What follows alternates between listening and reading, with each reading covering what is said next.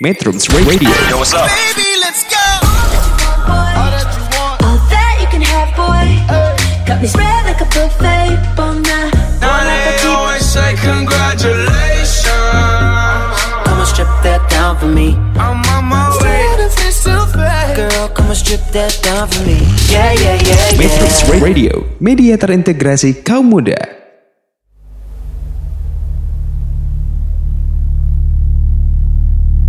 Hai metronom, balik lagi nih sama Navila.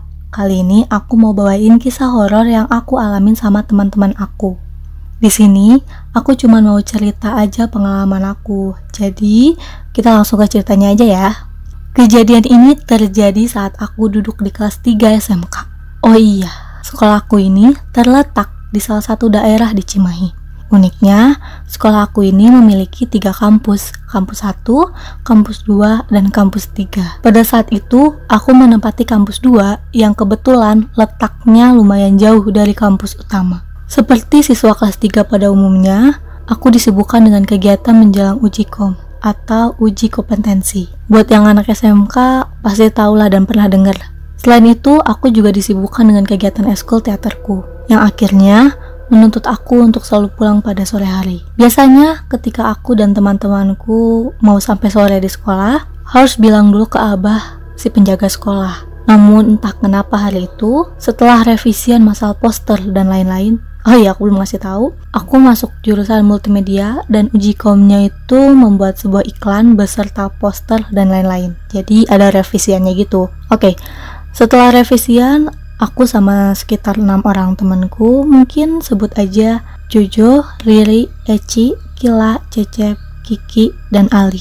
Kita diam di kelas, asik mengobrol dan tertawa. Cukup berisik memang, hingga tanpa sadar jam sudah menunjukkan pukul 5 sore. Oh iya, bangunan kampus 2 ini bukanlah bangunan resmi milik sekolahku dulu. Kampus 2 ini berada di lantai 2 dan 3 sebuah gedung tua yang di bawahnya ada beberapa kantor dan kafe. Kebetulan jurusan aku ada di lantai 2 dan di atasnya adalah jurusan AP atau administrasi perkantoran. Jadi kalau pulang sore harus bilang karena biar nggak dikunciin. Setelah sadar udah jam 5 sore, aku dan teman-temanku bergegas untuk pulang. Suasana cukup sepi saat itu. Ya wajar sih, yang lain pasti udah pada pulang. Pas kita baru aja keluar kelas, kita dengar suara cewek seperti ngobrol di lantai 3. Ah, mungkin anak AP pada belum pulang. Yang memang rata-rata isinya perempuan semua, pikir kita pada saat itu. Sialnya, karena aku dan yang lainnya nggak sadar dan lupa bilang ke penjaga sekolah, gerbang sekolah udah dikunciin. Kita akhirnya memutuskan untuk lantai 3 karena tadi kan terdengar masih ada yang ngobrol. Jadi otomatis mungkin anak AP belum pada pulang kali. Terus tadi juga eh, ada yang ketawa-ketawa, rame lah pokoknya. Jadi kita kira di atas masih ada abah penjaga sekolah. Naiklah aku dan teman-temanku ke lantai 3 yang niatnya untuk ikut lewat gerbang sana biar bisa pulang. Namun, sesaat setelah sampai di lantai 3, tempat itu sepi, benar-benar sepi. Kita semua seketika diam dan memandang satu sama lain. Sepersekian detik kita membeku dan akhirnya sadar bahwa semua anak AP dan penjaga sekolah sudah pulang dan gerbangnya pun terkunci. Suasana makin mencekam. Tanpa pikir panjang, aku dan teman-temanku langsung turun lagi menuju lantai dua. Rasanya campur aduk saat itu. Takut, panik, kaget, semua dirasain. Hari udah mulai tambah gelap dan gedung pun semakin menggelap. Suasana makin sepi dan mencekam. Kita bener-bener gak berani buat ngecek ke mana pun karena takut gara-gara kejadian tadi. Pasalnya bukan satu orang yang mendengar, kita semua mendengar suara itu.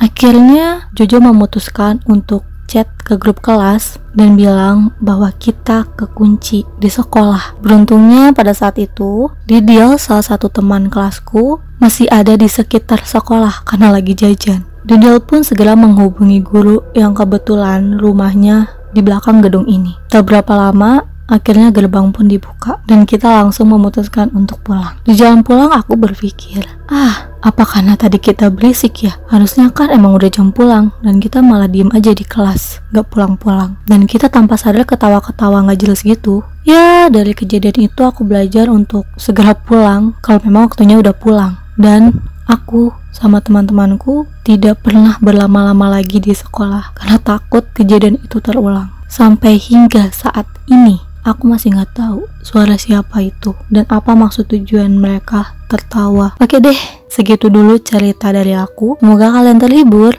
Jangan lupa untuk terus dengerin podcast di Metro Radio ya. See you. Metrums Radio Media terintegrasi kaum muda